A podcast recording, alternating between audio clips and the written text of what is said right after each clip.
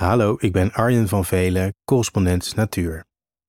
Vandaag een verhaal over de angst die ik voel voor honden en wat die zegt over de scherpe grenzen die er zijn tussen dieren en mensen.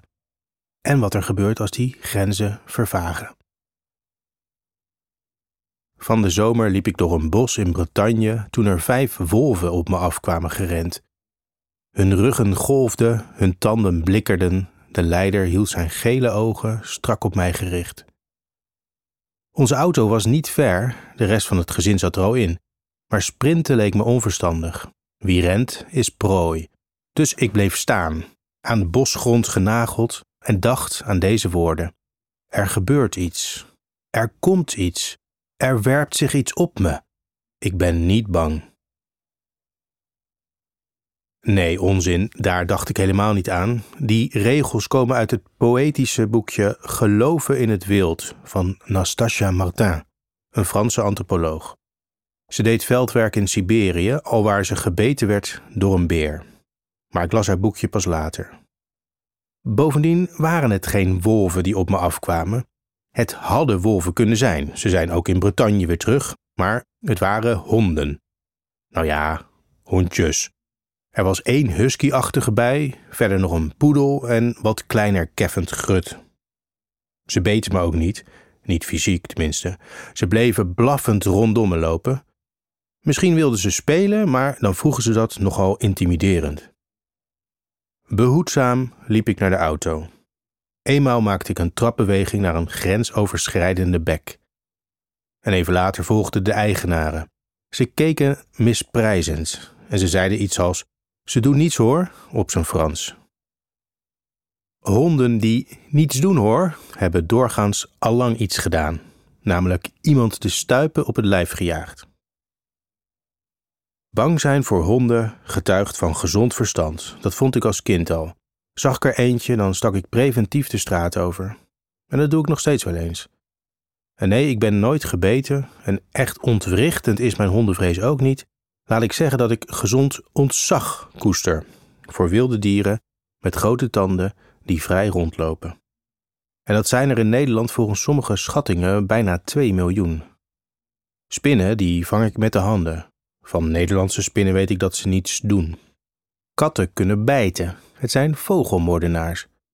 Maar ik weet dat hun tandjes mij niet deren. Maar honden doen soms wel wat. Vraag het maar aan de plastisch chirurgen die jaarlijks tientallen ernstig verminkte mensen moeten repareren. Of kijk naar de herdershond van president Joe Biden. Die moest het Witte Huis uit omdat hij herhaaldelijk mensen beet. Bij de politie is de hond, na het dienstwapen, het zwaarste geweldsmiddel. Is het dan irrationeel om nerveus te worden van onbekende viervoeters die op je afrennen in het bos? Toch had deze episode ook een gunstige nawerking. Ik was blijven staan. Ik had per toeval wat exposure-therapie gekregen en mijn angst een beetje overwonnen. Voorheen had ik wel eens gedacht aan behandeling van mijn angst. Niet omdat hij mijn leven ontwricht, zo erg is het dus niet, maar onhandig is het wel. Online vond ik allerlei variaties: therapie met beta-blokkers, virtual reality, EMDR, psychoanalyse. Vaak gaan de therapeuten er voetstoots vanuit dat je bang bent voor een ingebeeld gevaar, zoiets als vliegangst of spinnenfobie. Uiteindelijk zeggen die therapeuten dus ook: ze doen niets hoor. En daarom had ik er vanaf gezien. Want honden zijn gevaarlijker dan wolven. Wolven maken geen mensen dood, honden doen dat soms wel. Honden zijn ook gevaarlijk voor andere dieren trouwens. Ze jagen in het broedseizoen op vogels en konijnen, ze schijten de natuur vol stikstof, las ik. Dus is het wonderlijk dat er wel debat is over die twintig mensenschuwe wolven in ons land en niet over die 2 miljoen honden.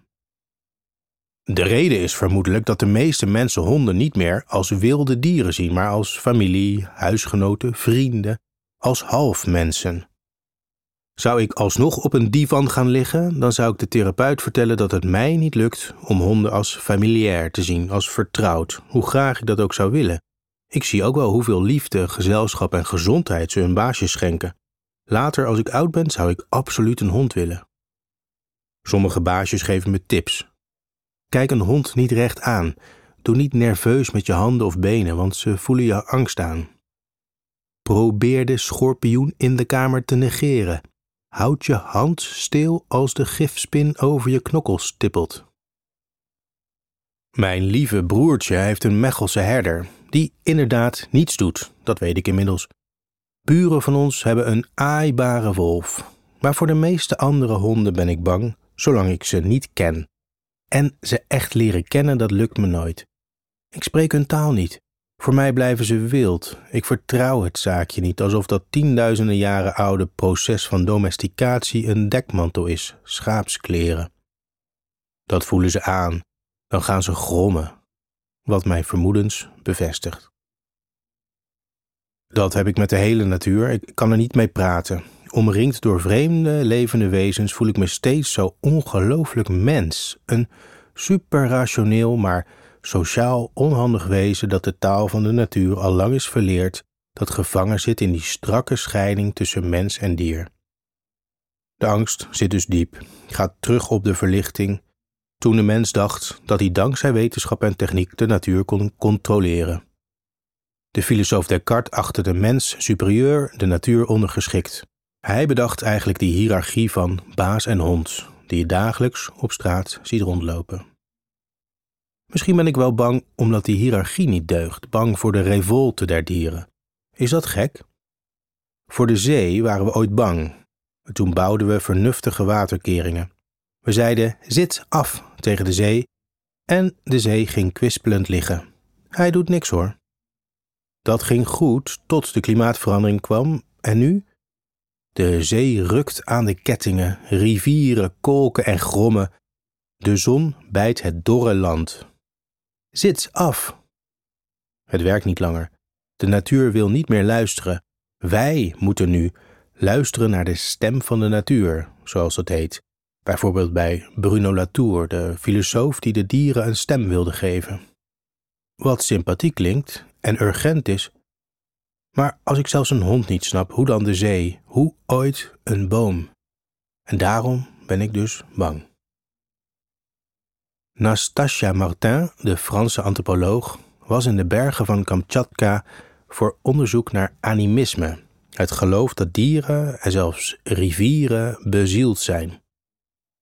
Ze sprak daar mensen die geen Franse filosoof nodig hadden om te weten dat zij, ik citeer, niet de enige zijn die in het bos leven, voelen, denken, luisteren en dat er om hen heen andere krachten werkzaam zijn, een intentie los van de mensheid. Ook kwam ze dus die beer tegen, die haar kaak stuk beet. Zij sloeg met een pikhouweel in zijn lijf en de beer droop af. Ze noemt die ontmoeting in haar boek een kus. Citaat: Er waren onze verstrengelde lichamen, er was dat onbegrijpelijke wij, dat wij waarvan ik het vage idee heb dat het van ver komt. Martin is een wetenschapper, maar ook een dichter. Poëtische zinnen kunnen hetzelfde effect hebben als honden. Ze maken je soms nerveus omdat je ze niet snapt. Maar wat ik wel begrijp, haar boek gaat over herstel en metamorfose. Herstel van haar toegetakelde lichaam, metamorfose van een zelfbeeld, een wereldbeeld. Het is een zoektocht naar de grenzen tussen mensen en dier, over hoe onterecht het is dat die zo scherp zijn, maar ook hoe eng het is als ze vervagen. Dan imploderen er werelden. Dan kom je in dat dromerige grensgebied waar dieren praten en jij zelf wilder wordt. Ik ben bezig iets te worden wat ik niet ken, schrijft ze. En dat geldt denk ik voor de hele wereld. We zijn bezig iets te worden wat we nog niet kennen. En dat is eng, maar wegrennen kan niet. Dit verhaal heb je gratis kunnen luisteren, net als honderden andere audioverhalen van het afgelopen jaar.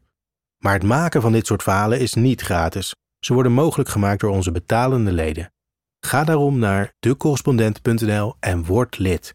Want onafhankelijke journalistiek is afhankelijk van jou.